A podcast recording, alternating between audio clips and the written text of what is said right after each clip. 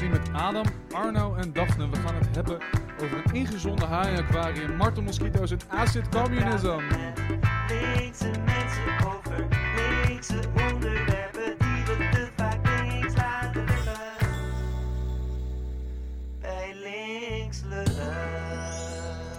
een heerlijke intro-tune toch? Eh, deze intro-tune is eigenlijk van eh, de man die nou tegenover mij zit, Adam. Hij is hier voor de eerste keer bij. Welkom, eh, Adam. Super leuk om hier te zijn. Fijn dat je er bent. En fijn dat we hier allemaal zijn. eh. Ja, nee, ook voor jou Arno en ook voor jou Daphne. En ook voor mij. Ik ben trouwens Saviro Dilling. Ik heb eh, vorige keer mezelf ook niet voorgesteld. eh, Doe eens even. Wie ben jij eigenlijk? nee, nee, Xavier? nee, dat is onzin. Oh. Mijn, naam, mijn naam is genoeg. Nee, het is gewoon fijn dat we er zijn. Eh, En- we hebben en een hoop te bespreken vandaag. Dus la- la- ik, ik stel voor dat we gewoon, eh, gewoon gaan beginnen. Of heeft iemand anders nog iets wat hij eh, even wil zeggen, wil melden, wil toevoegen? Je zit meteen wel heel erg onder druk. Ja, sorry, dat is Ik vind het vervelend. wel hè? heftig. Nee, ja. misschien komt het voor door, eh, gedurende de rest Ja, van ik de heb show genoeg te zeggen, maar dat, eh, dat komt nog wel, Ja, denk ik. komt nog wel, ja. Hij ziet er boos uit, eh, lieve luisteraar. Bij links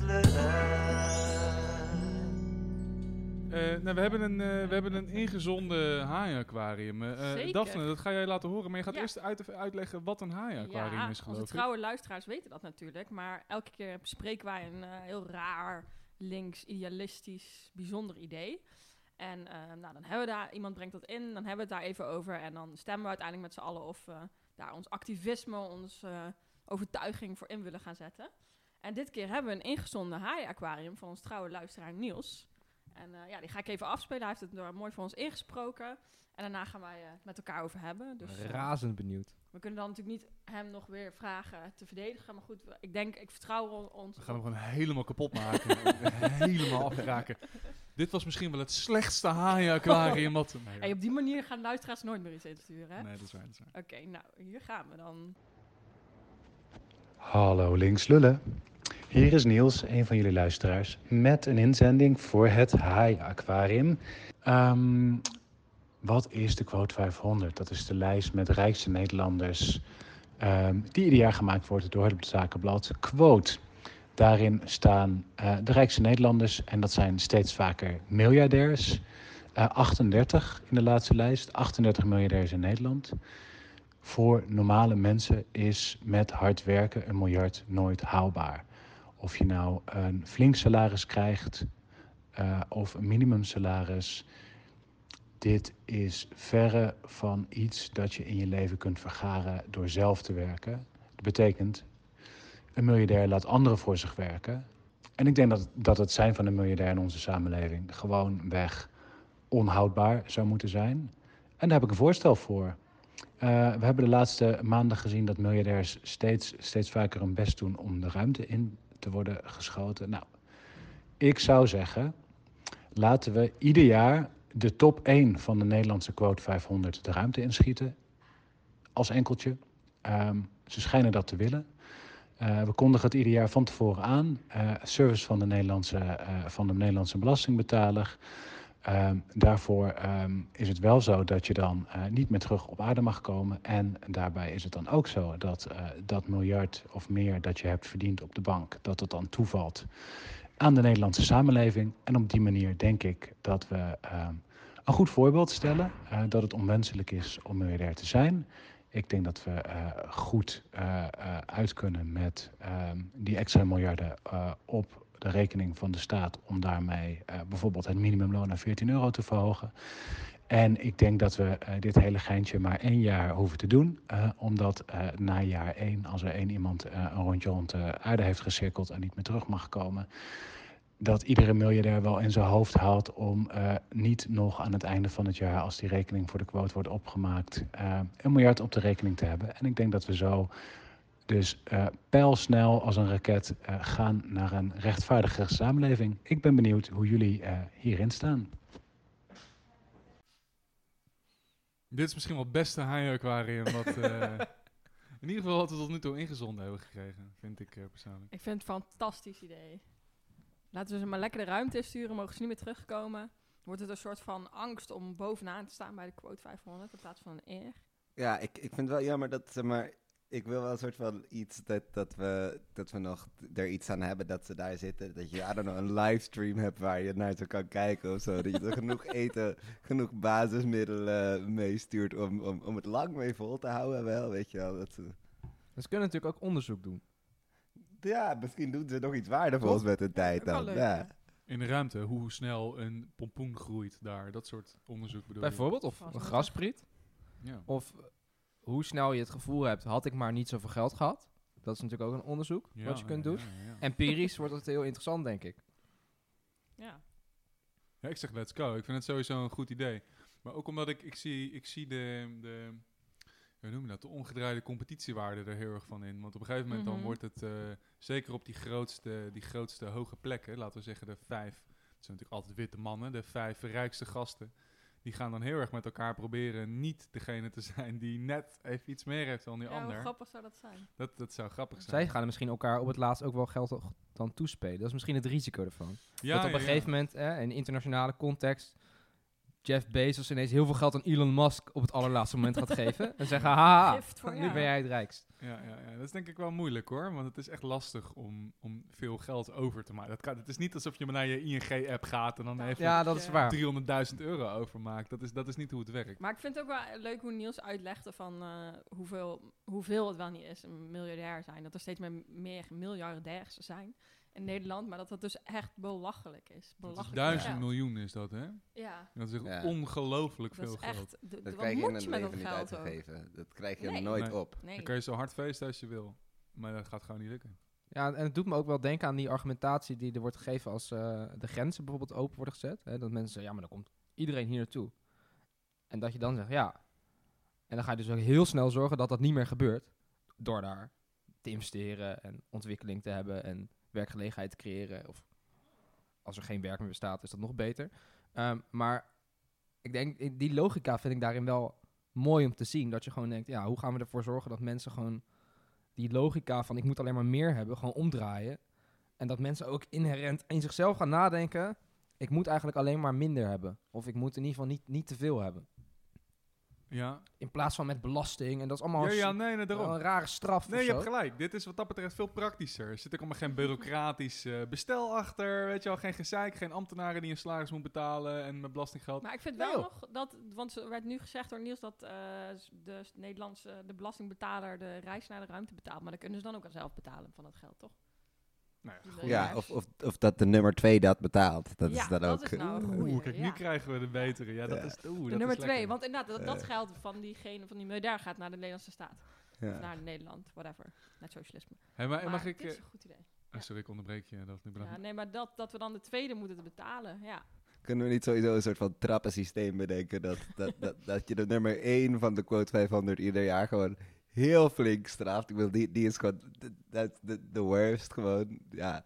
En dan nummer 2 ietsje minder, maar nog steeds wel iets heel kuts wat het publiek al belang dient. En enzovoort. Totdat je bij nummer 500 uitkomt dat iedereen gewoon...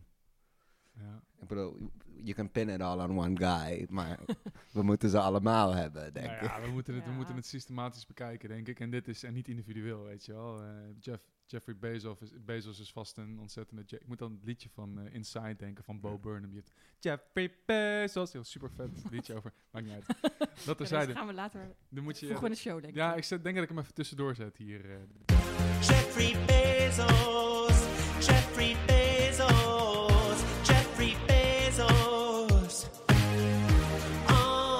Maar eh, ik denk dat we dit eh, structureel moeten bekijken. En dan is dit een goede, een goede manier om, eh, om dat te doen. Ik denk niet dat, het, dat we er, nu ga ik heel serieus worden, maar ik denk niet dat we er heel veel mee winnen door deze mannen, witte mannen, persoonlijk te straffen. We moeten natuurlijk systematisch iets aan doen. Maar dit is een systematische manier om zo'n probleem op te lossen. Dus ik vind het gewoon een superleuk idee. Maar ik heb, ik heb nog twee dingen erover, hè. Ehm, Ja, kom maar op. Ik, in, in principe ben ik gewoon, initieel ben ik gewoon, let's go, kaartakkoord, best idee ooit, love nieuws, fantastisch. Maar twee, eh, eh, twee vragen. Ten eerste, kartelvorming. Daar ben ik een beetje bang voor. Dat je vijf gasten of tien gasten krijgt die zeggen, weet je wat, wij gaan er gewoon precies voor zorgen dat we op dat moment allemaal exact evenveel hebben. Gaan ze lekker alle vijf. Weet je, ja, oké. Oké, dat is misschien een mooie oplossing. Ja, oké. Nee, je hebt gelijk. Dit is heel makkelijk op te lossen. Gewoon prima. De gedeelde nummer 1. De gedeelde Ja. nummer één. Dat doen ze op de Allemaal gouden medaille. Dat zou- Je hebt gelijk. maar je volgende punt. Ja, nee, goed. Dat is, ook, een- dat is ook een belangrijke punt op dit punt. Dus ik de morele kwestie. Ja, gaan we, kunnen we gewoon zomaar beslissen van, ja, eh, je, bent toch, eh, je bent toch een mens en dan eh, moet je voor de rest van je leven, mag je de aarde niet meer op. Ja, ook, ook Jeffrey Bezos is ook een, ook een mens. Zeker. Het is ook een mens. Ja, dus dat Nou is ja, toch, hè, moreel Natu- gezien. Natuurlijk zit daar een, lastig. een, een moreel lastig, lastig punt aan. Ik denk wel dat het natuurlijk ook geïnspireerd is op het idee dat de Jeffrey Bezos van deze wereld en de Elon Musk van deze wereld nu zelf ontzettend graag naar de ruimte willen. Eh, en ik daarvan wel denk, ja, weet je, als je daarmee je bezit achterlaat Ja, maar ze willen gewoon terug. lekker gaat... Ze- Ja, maar ze willen ook terugkomen natuurlijk. Ja, ze willen terugkomen. Maar ze kunnen ook voor onderzoek kijken of je bijvoorbeeld op Mars een mooie eh, kolonie kunt bouwen. Ik bedoel, koloniseren is ook iets wat rijke witte mannen in het verleden goed konden. Dus in die zin zou je daar ook in kunnen nadenken van, nou ja, misschien is Mars dan wat, of, of Venus, of eh, Jupiter. Er zijn Maar dan gaan wij dus stimuleren planeten. dat zij gaan ko- koloniseren. Dat is dan weer niet zo handig, toch? Ja, daar moeten we misschien op, op een later moment op terugkomen. Als daar dan ook, ook leven blijkt ontdekt te worden en zo, die ze ook kunnen onderdrukken. Eh, maar zolang dat Gaat gewoon een soort van... Maar ik maak me een beetje zorgen over, zeg maar, als, als we deze mensen de ruimte insturen om het eerste contact te maken met ander leven, sturen we niet precies onze beste mensen, zeg maar. Ja, is waar. Ja, dat heb ik Dus- ook wel bij, bij UFO's nu. Zouden dat nu gewoon rijke aliens zijn, zeg maar? Zouden dat gewoon de miljardairs van andere planeten zijn? Ja, ik zie, stel me nu een alien voor die aan Jeff Bezos vraagt... Are you from Earth? En dan zegt hij... Fuck yeah! Inderdaad. En kijk, het is, en, en, en tuurlijk zit er een moreel, moreel punt in, maar ik denk wel dat je ook eh, hè, misschien het, mo- de morele vraag zou kunnen stellen: in hoeverre is hun, hun uitbuiting en hun drukking nou ook moreel? En bijvoorbeeld bij een Elon Musk zou je toch kunnen zeggen dat al die kinderen die daar allerlei chips lopen te maken voor zijn Tesla-autootjes, dat daar misschien meer leed achter zit dan, dan één iemand die een fantastisch lange ruimtereis maakt. Ja, nee, ik ontken dit ook absoluut niet. eh. ik sta natuurlijk sowieso aan jouw kant. Ik, misschien misschien laat, ik het, laat, ik het anders, laat ik het anders fraseren. Hoe krijgen we de liberale wereldorde zover dat ze ook daadwerkelijk dit niet een beetje een kut idee vinden? En dan het argument gebruiken van hoe kan je, dit is een soort van executie en deze man heeft niks gedaan, die heeft gewoon hard gewerkt met het, blablabla, weet je, dat soort onzin.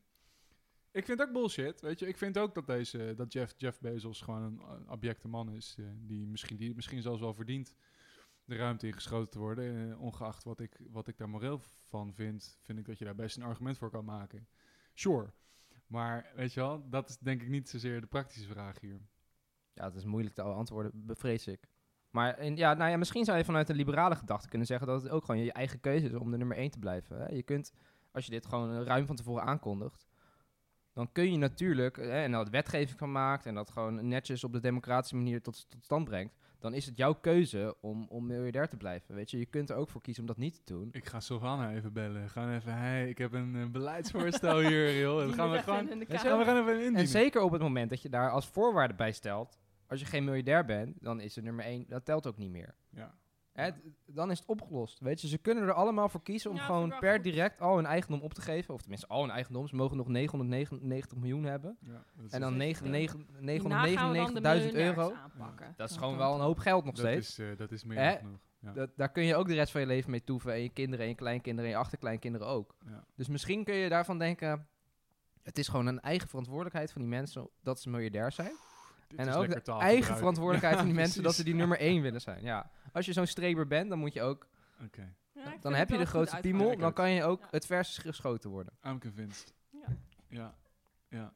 Ja. Nou, volgens mij zijn wij wel overtuigd van dit. Ja, eh, dat dat was ik al- was Ik, ik ik, wil dan nog, eh, ik, ik, ik, ik ben nog niet akkoord. Ik wil, ik, ik, sorry, dit, Adem wel meer mensen Ja, de ik- ruimte in. Nee, nee, nee, niet per se meer mensen de ruimte in, maar laten we dan wel de raket eruit laten zien als een gigantische piemel. Helemaal voor. Dat gewoon, Nice. Ja, ja. Ja. Dat vind ik een goed idee. Want dan pakken we ook eh, toxic masculinity Zeker. aan meteen. Ja. Dit is gewoon eh, double whammy. Ja, hartstikke goed. Hartstikke goed. misschien nog een soort banner, this is for being a dick. Weet je, Ja, Ja, ik ben voor. Ik ben voor. Ja, zullen we, zullen we even... Ja, we zijn allemaal voor, geloof ik. zijn voor. Ik bedoel, ik, ik ben ook met, deze, met dit addendum eh, van de ja, grote pik ben ik helemaal ook, ben ik ook... fantastisch. Akkoord. We zijn gewoon akkoord, hè? Nou, bedankt Niels voor, Ja. je, eh, voor je creatieve idee. Volgens Ja. mij hebben we een leuk gesprek erover gehad. En luister, als jij nou ook denkt, ik heb ook zo'n vet idee met raketten en rijke mensen of andere toxische dingen, dan eh, stuur het naar ons. Een leuk audiobericht, dan eh, gaan wij het hier aan tafel bespreken. Bij links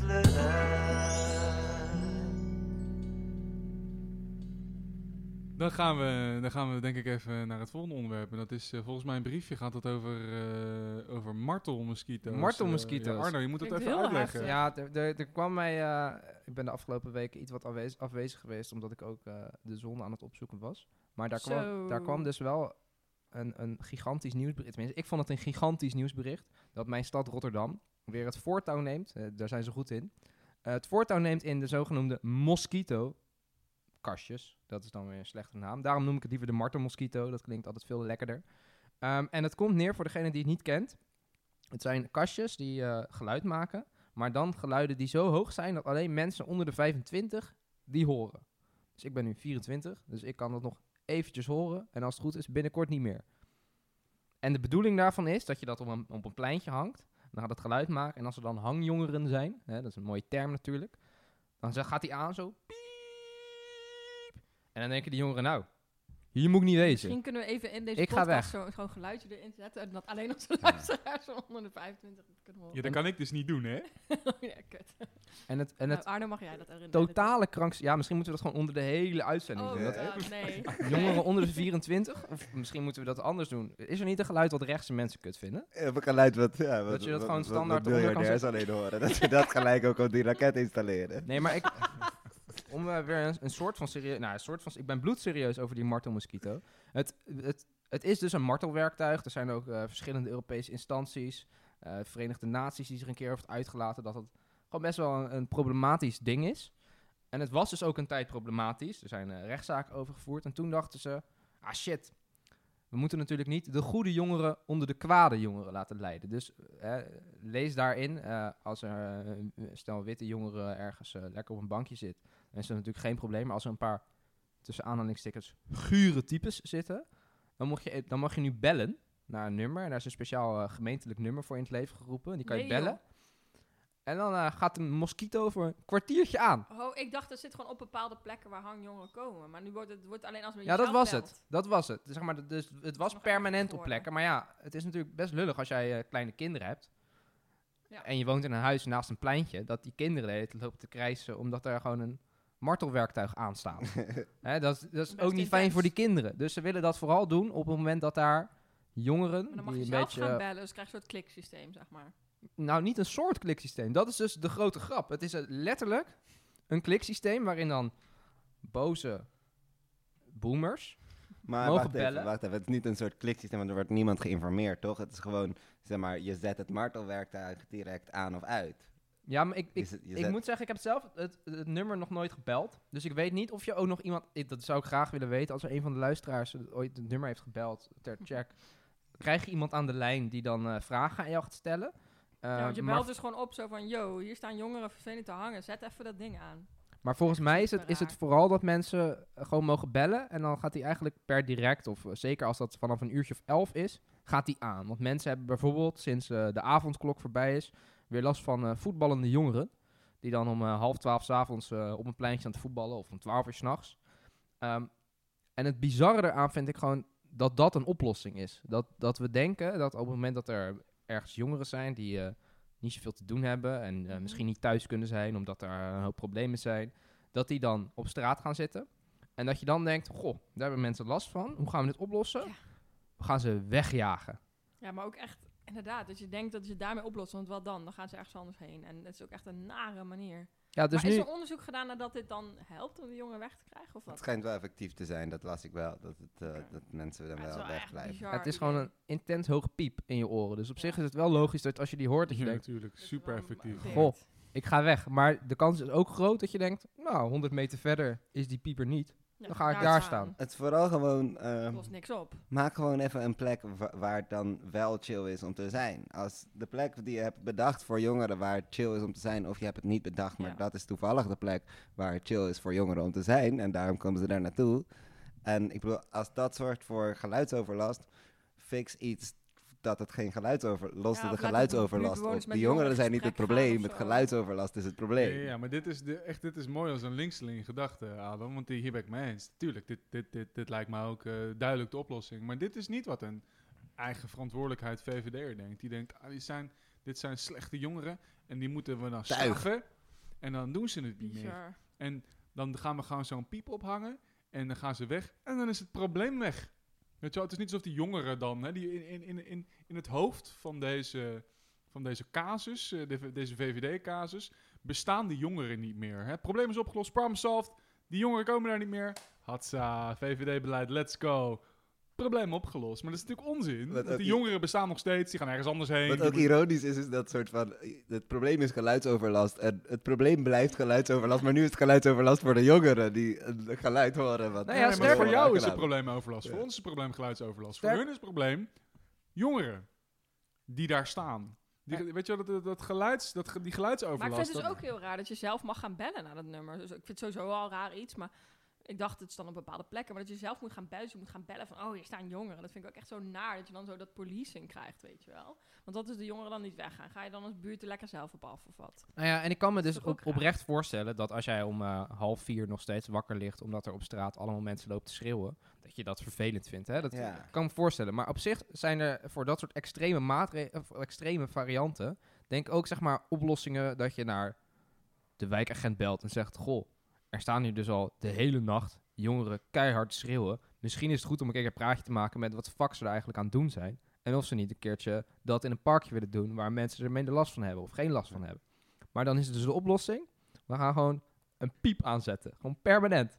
Ja, niet iemand erheen sturen om even te praten of zo. Maar gewoon... Dus Ja. het is Ja, een soort budgettaire eh, Maar dit is door de gemeenteraad marteloplossing. gekomen of zo. Ja, de, burgemeester heeft het een soort van, eh, want die gaat natuurlijk over de veiligheid in de stad. die heeft het dan Oh, eh, supernaar, ja. ingezet dat dat, dat dat kan. Maar de gemeenteraad moet daar natuurlijk wel eh, mee akkoord gaan. Ehm, en het, het meest bizarre vind ik eraan, dat is zo'n stad als Rotterdam, die heeft de afgelopen 20, 30 jaar ongeveer alles gesloten waar jongeren terecht kunnen s'avonds. Ja, Of s'nachts. dan. Nu was er die avondklok, dus dachten mensen, oh, eindelijk rustig op straat eh, na tien uur s'avonds. En nu is hij eraf. En dan denk ze, oh, er zijn weer allemaal mensen op straat. Nou, dat kan toch niet? En dan worden ze daar boos van. Ja, en ik, ik vind dat vrij krankzinnig. En nog wat het meest krankzinnige was, er was een eh, interview met een eh, buurtbewoner in de krant. En die, die was zelf ook relatief jong. Ehm, en die hoorde die piep dus ook nog. Die was wel boven de 25. Maar die hoorde nog steeds die piep. En die moest dus door die piep, moest hij wel zijn raam dicht doen. Maar dat vond hij het waard, omdat daardoor wel de mensen buiten weggingen. Maar dus, die, die had zijn raam open. Die had geluidsoverlast. Dacht, niet, ik doe mijn raam dicht. Dan heb ik geen geluidsoverlast meer. Die dacht, ik ga eerst bellen. Dan gaan die mensen weg. En dan hoor ik nog eens een piep. Dan moet ik wel even mijn raam dicht doen. Jezus. Maar dat vind ik het waard. nou, nou, nou ja, Ja, je lacht, maar dat is natuurlijk intens droevig dit. Intens droevig is dit. ik vind dat heel nog erg. Op zijn minst opmerkelijk. Dat je dat bedenkt. En dat je dat dan ook doet. En dat dan ook tegenover een krant zegt, ja, dus ik vind dat het wel waard. Ja, precies. Het vanaf het moment dat je het hardop uitspreekt, dan moet je toch ergens soort van moet in dat terwijl je met die journalist staat te praten, moet de realisatie komen van oh, oh, wacht even, misschien had ik gewoon mijn raam.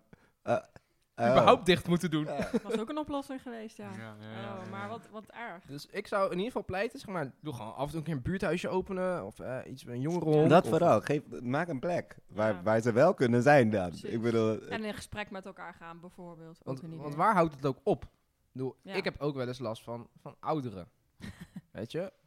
Ik wil daar nu hangjongeren tegenover in gaan zetten. Dat we dat Ja, maar voorstellen. het is ook inderdaad, ga je Met dan uiteindelijk door heel de stad op, op Toch? hangen Dat je zo, gewoon een- jongeren verplaatsen toch. een groepje van 30 jongeren of zo, die gewoon goed, goed zijn en een beetje schreeuwen, rellen. Ja, ik wil daar best werken bij dat bureau hoor. Dat als je last hebt van ouderen Let's go. in een eh, park eh, waar ze veel te veel eh, afval achterlaten, honden poep laten slingeren omdat ze die, die zakjes niet lopen op te ruimen. lopen. lopen te janken Ja, de hele dag over dat ze hun vaccin niet willen nemen en daar de hele dag de, de, de, alles mee onderschreeuwen. Ja, Dat je dan een groepje van 30 jongeren hebt die gewoon naar het park toe komen en daar "Hey!" gaan doen. Net zolang tot de ouderen weggaan. Ja. En dan gaan die naar de jongeren ook weer weg. Lijkt me echt fantastisch. Ik, eh, ik stel me dan zo'n zo'n eh, zo'n brugwachter voor, weet je wel. Dat het gewoon, is gewoon 30 jongeren die wachten dan ergens tot ze die call krijgen. En dan gaan ze er gewoon daarheen. En dan rellen. En dan, nou, dan ga je daarna weer wachten. Ik zou dat willen. Lijkt me echt een fantastische baan. Nee, maar alle gekheid op een stokje. Eh, wat, ik, wat ik hier vooral interessant aan vind, is ik denk dat, dat, dat, dat aan het begin van, de, van dit onderwerp al spijker op zijn kop, oh, spijker op zijn kop, eh, kop sloeg.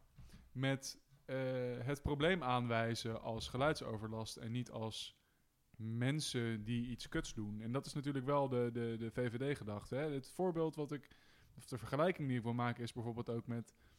Eh, wat je nu ook in Amsterdam heel veel ziet, is dat, dat we geen bankjes meer hebben. Maar daar zit zo'n schuif tussen.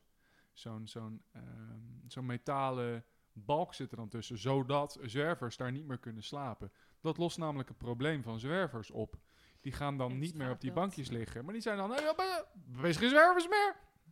Die zijn gewoon weg. Je ziet ze niet meer. Fantastic. Wat goed. Je kan gewoon zo'n metalen, metalen balkje tussen zo'n bankje zetten en dan hebben we gewoon geen zwervers meer. Gewoon geen dakloze Dan problemen. wil ik wel even reclame maken Fantastisch. voor de Rode Lab. Die hebben hele leuke stickers met het is, eh, architectuur, eh, niet aardig, ja, slechte architectuur voor de daklozen. Ja. Stickers die je op kan plakken. Nou, sterker nog, ik, wil, ik, ik zou durven zeggen, en dat wil ik ook wel hardop zeggen in deze show. Ik vind dat je dat eraf moet slopen. Als jij toevallig een, een schroevendraaier bij je hebt, moet je dat eraf halen. Dat ben ik serieus. Dit is echt mensonterende architectuur, Ja. is dit.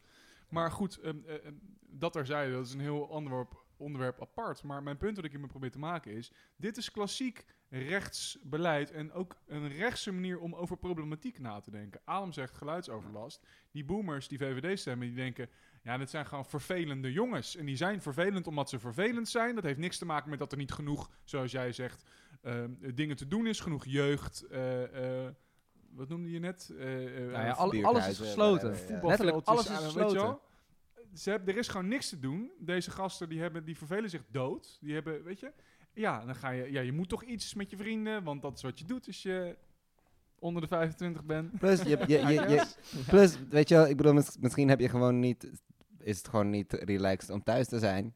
Waar ga je hangen? Ja, misschien heb je niet eens een eigen Op het slaapkamer. pleintje waar, waar je matties hangen, Precies, toch? Ja, precies. dat Lijkt me ook overigens grappig als er gewoon allemaal 26-jarigen op pleintjes gaan hangen nu. Spontaan. Als, Ja, als of- solidariteitsactie. En zeggen, ze benieuwd. dan gaat de mosquito aan en dan zitten ze daar. Ze zeggen, ja, Ik wil je dan? En nu? ook- wat wil je dan? Ja, dat is zijn helemaal niks, joh. 23-jarigen die gewoon door alle concerten en zo slecht gehoord hebben. Ook niet meer de piep horen. D- Dus ben je 25 ou- of ouder?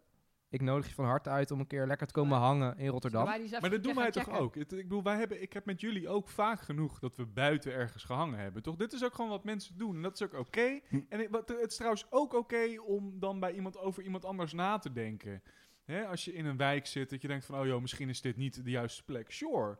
En ik vind ook dat mensen hierover moeten praten. Dus ik vind jouw idee van een wijkagent, hoewel ik niet automatisch fan ben van agenten, vind ik jouw idee van een wijk, in ieder geval iemand Een wijkpersoon. Een wijkpersoon die daar gaat praten met die, met die jongens. En in een ideale wereld doet die buurt dat zelf, weet je wel. Ja. En kan dat ook. En dat, ik snap dat het niet een ideale wereld is. Maar dat is, waar je, dat is waar je heen wil. Dat mensen dat dan oplossen. Wat het allerstomste is, is als we gaan doen alsof dit een probleem is... wat op te lossen is met een fucking mos- eh, martelmosquito, zoals jij het noemt.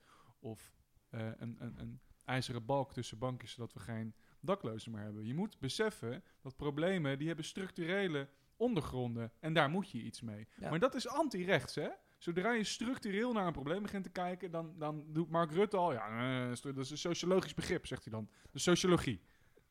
Ja, daar heeft hij niks mee. En dat, maar eh, wat ik het dan nog het allerergst aan vind, daar is Rotterdam overigens ook goed in. En dat, daar is hij rechts helemaal goed in. Dat is zeg maar alles waar je dan nog wel een soort van kan chillen in, in alle vrijheid en rust. En eh, je geluidjes kan maken en weet ik het wat. We zijn er ook steeds beter in om dat gewoon als grond te verkopen aan een of andere ontwikkelaar. En te zeggen, oh, zet jij er maar eh, 16 parasols neer, twee tafels en eh, drie stoelen. En ga die maar verhuren en ga er maar zorgen dat niemand, ook maar niemand gratis, in een park mag komen chillen.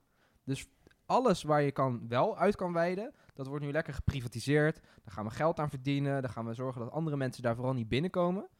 En als mensen dan alsnog een uitweg zoeken, dan is het ineens, ja, maar nu moeten we even eh, gewoon een martelwerktuig op je oren zetten, zodat jij wegrent.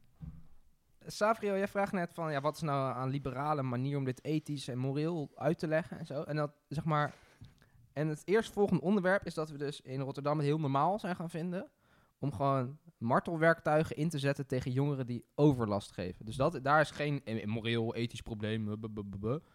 Maar iemand die zeg maar over de ruggen van miljoenen mensen extreem rijk is geworden, daar één persoon uitpakken. Nou, dan moeten we ineens op een podcast Ja. van links lullen gaan nadenken over hoe we dat ethisch gaan verkopen aan mensen. Joh, rot op. laten we, zeg maar, als we, dat, als we die dingen nou eens omdraaien, dat we heel veel moeite gaan doen in dit ethisch verkopen, en bij zo'n miljardair zeggen, ja, ja, ja, geef toch overlast. Weet je, ja, overlast is overlast, daar moet je vanaf. Ja, Ja, eens. goed punt wel. Eens. Ja, nee, absoluut. En maar vooral met, met deze mosquito-dingen vind ik ook... eh, dit, dit is ook een chronisch probleem. Het is ook heel erg duidelijk dat dit uit een, een soort van verneukeratieve eh, filosofie komt... die ook... En dit is het laatste wat ik erover zeg hoor. Ik, eh, we gaan straks nog filosofischer worden, dus ik wil niet te filosofisch worden. Maar ik vind dit een beetje het, het tot product maken van het individu, weet je. Want je, hebt je hebt het niet meer over jongeren, maar je hebt het over geluidsoverlast. Weet je, je hebt het niet meer over die, die mensen die daar staan, die inderdaad de geschiedenis hebben, die zijn er voor een reden. Misschien hebben ze het moeilijk thuis. Misschien willen ze gewoon even chillen met hun vrienden en kan dat niet op een, op een andere plek. Weet je, I don't know. Dus in ieder geval, ze staan daar en ze zijn, ze hebben, eh, het zijn mensen en daar moet je iets mee. Maar je verbloemt dat. Je gaat eraan voorbij als je zegt, ja, maar geluidsoverlast. Ik wil niet dat ze hier zijn, want het is mijn huis. Dus het is echt het, is echt het product maken klassiek liberaal marktdenken. Het is product maken van mensen. En het, het gaat hartstikke ver dit. Dus ik vind het goed dat je dit aankaart. Bij links Nou, tenslotte, ik had het, eh, ik had het eh, net al een beetje aangekondigd dat we dan weer even filosofisch gaan doen. Dat, eh, dat doen we steeds meer afleveringen, vind ik. En ik vind het natuurlijk helemaal niet erg. Maar ik wil het met jullie heel graag even over acid communism hebben. Of Zo, Of- oftewel, dat ja, dat is wel- spannend. Ja, dat klinkt, dat is ook wel spannend. Eigenlijk ik denk dat je het beste in het Nederlands kan vertalen als LSD-communisme. Ik zal jullie even heel uitgebreid uitleggen wat dat is. Maar om te begrijpen wat acid communism is, moet je eerst twee andere begrippen begrijpen. Eh, acid communism komt van Mark Fisher. Mark Fisher is een filosoof, ehm, een hele bekende, die helaas in 2017 zelfmoord heeft gepleegd. Eh, maar eh, het was een ontzettend interessante man en een hele bijzondere denker ook. Ik denk niet, hij komt uit een hele andere tradi- traditie dan ik. Ik ben echt heel erg een analytisch filosoof. Ik ben ook heel erg in de analytische traditie opgeleid. En hij was echt een beetje ehm, continentaal. Ik weet niet of hij zichzelf zo had genoemd, maar dat, dat was hij echt. Dus het is een heel, hele andere traditie dan waar ik vandaan kom. Maar ik heb er echt respect voor. Hij heeft twee grote begrippen het leven in groepen, die jullie misschien als linkselingen ook wel bekend zijn. Eén daarvan is capitalist realism, of eh, het realisme van het kapitalisme. En dat is eigenlijk het idee dat ehm, wij binnen het kapitalisme, en dat is het bijzondere aan de ideologie, eigenlijk geen uitweg meer zien. Eigenlijk is het kapitalisme de enige oplossing. Dus als wij denken aan de toekomst, dan denken wij aan een soort van vergevorderde film, eh, eh, manier van, van, van kapitalisme. Denk bijvoorbeeld aan van die science fiction films zoals Blade Runner. Dat is gewoon hardcore kapitalistisch. Of van die eh, cyberpunk dingen die allemaal ehm, gaan over bedrijven die oorlog met elkaar voeren in een soort van post-apocalyptische wereld. Hè? En de grote, het grote citaat van de Slavoj Zizek is hierover. Het is makkelijker om het einde van de wereld te, eh, eh, einde van de wereld voor te stellen dan het einde van het kapitalisme. Ehm, en dat zit heel erg in, in dat, dat komt van Mark Fisher. Dat is heel erg van dat begrip capitalist realism. Het tweede begrip is hauntology. Dat kan je eigenlijk vertalen als spokologie. Ehm, en dat betekent eigenlijk dat, eh, omdat we geen uitweg meer zien door die capitalist realism, hebben wij heel erg dat we, ja, dat we, dat we gehaand worden, bespookt worden door flitsen van het verleden, wat wij heel erg hebben. Dus nou ja, wij gaan bijvoorbeeld allemaal van die eh, classic computerspelletjes spelen, want dat vroeger was het lekker. Of we hebben echt een fascinatie met de 90s die mensen hebben. Want ja, toen waren we, in ieder geval mijn generatie, aan, eh, hè, toen waren wij aan het opgroeien. Toen jij nog de mosquito kon horen. Toen ik tot een mosquito kon horen, ja. Dat is echt, Zo. dat is echt heel lang geleden. En eh, hij combineert die twee begrippen in, in, in acid communism. Wat hij eigenlijk zegt is, wij moeten dus ophouden met eh, ons door die spoken, die hauntology, wat ook heel erg terugkomt in hoe wij linkse esthetica gebruiken. Hè? Dus bijvoorbeeld dat wij heel erg naar Lenin of naar Mao of naar, weet ik veel, die uh, Goede Kropotkin ouderwetse posters. ouderwetse posters en eh, de vuist en de sterren. Ja. Dat is een klassiek voorbeeld van hauntology, van spokologie. Dat wij eigenlijk oudere concepten gaan, gaan verheerlijken en, en proberen terug te brengen in het verleden. Of eh, in het heden. Dus wat hij eigenlijk zegt is met acid communism, wij moeten proberen een nieuwe eh, aesthetics, een, nieuwe, een nieuw uiterlijk aan links te geven.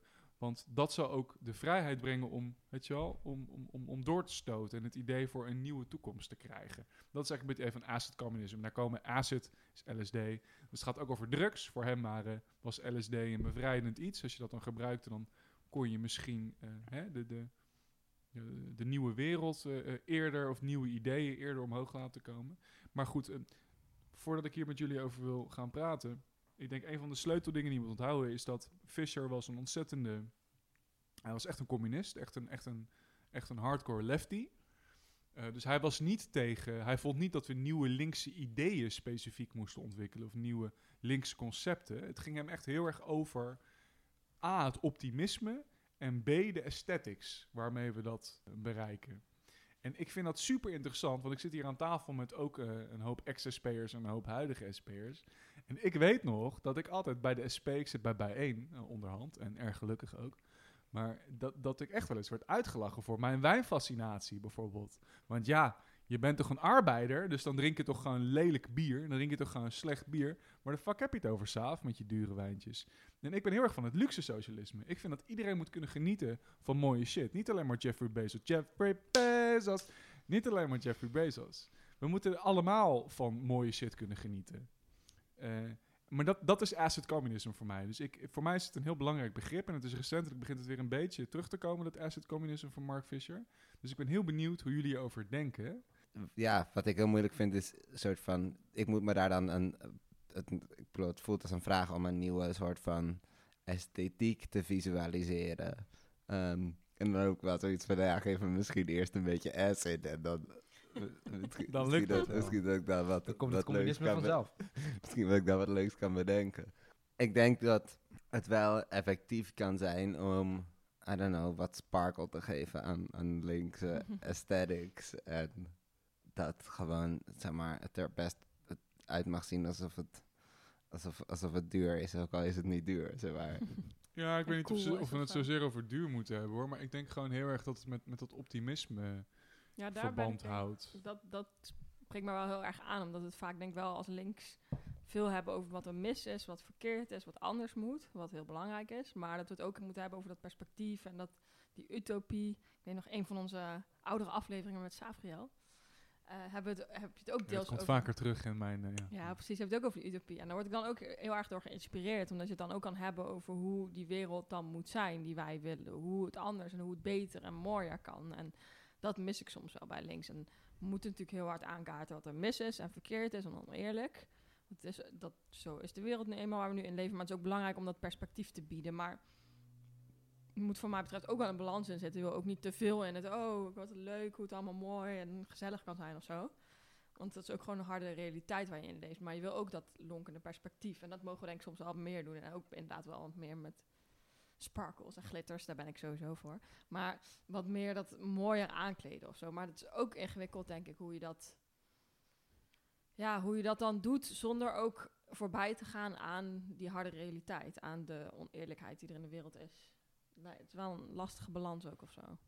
Ja, je wil er ook niet aan voorbij gaan, toch? Aan wat er allemaal mis is in deze wereld. En als het gaat om zeg maar, een soort van het, het bereiken van een nieuw perspectief of zo, ik denk dat het heel moeilijk is om een, als links persoon om een verhaal te vertellen van, nou, dit is hoe ik denk dat het zou moeten werken. Ja. Ehm, zonder te klinken als, weet je wel, wat je zegt is zo ver verwijderd van de realiteit waar we nu in leven, dat het moeilijk wordt om het soort van, om het over te laten komen als iets wat plausibel is. Ja, dat is waar. En ook En- voor mensen die echt met problemen dealen, is het moeilijk om natuurlijk iets, ja, iets anders voor te kunnen stellen. Of, Maar ik denk dat dat niet waar is, jongens. Ik denk dat het helemaal niet zo ver verwijderd is van, van, van het nu. Ik denk dat we daar een fout in maken door dat te denken. Want ik, ik, ik denk ook dat, er, dat je revolutionaire momenten kan beleven in je eigen leven. Ik denk ook niet dat, het, dat je moet denken van, oh ja, er is een wereld en daar is dan alles perfect. Maar je kan ook heel erg al zelf naar die wereld gaan leven en ook in die wereld gaan leven. En of dat nou lukt, eh, ja, ja of nee. Maar je kan het in ieder geval proberen. En heel veel mensen hebben dit ook gedaan. En heel veel mensen doen dit ook. Hè? Bijvoorbeeld eh, Burning Man, wat natuurlijk een ontzettend kap- Ja. kapitalistisch ding is geworden nu hoor. Maar dat is, het idee is altijd dat het een echt een hele eigen maatschappij is. Waarin iedereen heel erg vrij is en heel erg zijn eigen ding doet. En waar er ook voor elkaar wordt gezorgd en et cetera. Ehm, dat is denk ik wel zo'n zo'n zo'n omgeving waarin dat juist, waarin die wereld al bestaat. En ik denk dat wij met, met, met deze groep eh, ook wel eens die wereld bereiken. Dat heb ik. Ik kijk nu naar de mensen die ik, eh, die ik het beste ken in deze groep. Dat hebben wij ook wel eens bereikt. Dat we met z'n allen echt ergens zaten van... ja, goh, wat voelen we ons nu verbonden met elkaar. En we snappen het nu. En er is een bepaalde omgangsvorm. En dat is ook een revolutionair moment. Dus ik denk dat het bijna ehm, een soort van liberale barrière is... om dan te denken van... ja, maar het is niet realistisch. Weet je wel? Of het is niet iets waar we het nu over moeten hebben... want we moeten eerst de eerste stap maken... voordat we de dertigste stap maken. En dat is natuurlijk in een praktische zin ook heel erg waar, hoor. Maar ik denk ook dat er een bepaalde wijsheid in zit... om juist gewoon alvast, alvast die wereld te gaan leven. Ja, En dat is de belofte van inspiratie, Mm. asset communism, denk ik juist heel erg. Dat je, dat je niet meer dat, dat, dat, dat, dat realisme is natuurlijk ook zit bepaal, in, in bepaalde kaders die, door ons, die niet door ons geschetst worden, maar door de gevestigde orde, door de status quo. Nou ja, en er zit denk ik ook een... Ik, ik heb er even over nagedacht, de afgelopen eh, anderhalf minuut. Eh, en ik denk er twee dingen over. Eén, ik begrijp ook mensen die zeggen... je moet ook oog hebben voor... een beetje een raar, raar woord altijd... maar voor de traditie van de linkse beweging... en daar niet van, van vanaf willen stappen. Of in ieder geval daar je, je bewustzijn... want dat vind ik ook voor mezelf altijd wel een bepaald besefmoment... dat ik ook onderdeel ben van een... eh, eeuwenlange traditie van mensen die in opstand zijn gekomen en die daarin ook strijd hebben gevoerd en ook af en toe hebben gewonnen en soms hebben verloren. eh, en dat dus na jou de strijd ook weer doorgaat. Ehm, en daarin snap ik ook dat je op de een of andere manier toch die verbondenheid probeert aan te gaan. Tegelijkertijd merk ik ook een soort bijna dogmatisch beeld dat je maar moet, moet, moet leven zoals de mensen die jij wil organiseren of waar jij, waar jij eh, de revolutie mee wil bouwen, zoals die op dit moment leven. Daar moet je een soort van in ondergedompeld zijn en precies zoals hun zijn. Terwijl je ook juist anders kan zijn en kan laten zien... oké, dit kan ook, weet je. Dit, dit is ook een manier van doen en dit is ook een manier van leven. Ik, ik snap dit, dat gevoel naar traditie wel, maar niet die, die dwang om vervolgens ook je eigen gedrag daarop aan te passen. En zeker niet omdat, wat ik echt een verschil vind ten opzichte van bijvoorbeeld een honderd jaar geleden... er is gewoon fucking veel geld in de wereld. Er is fucking veel technologie in de wereld. Dus zeg maar ook echt letterlijk alles kan.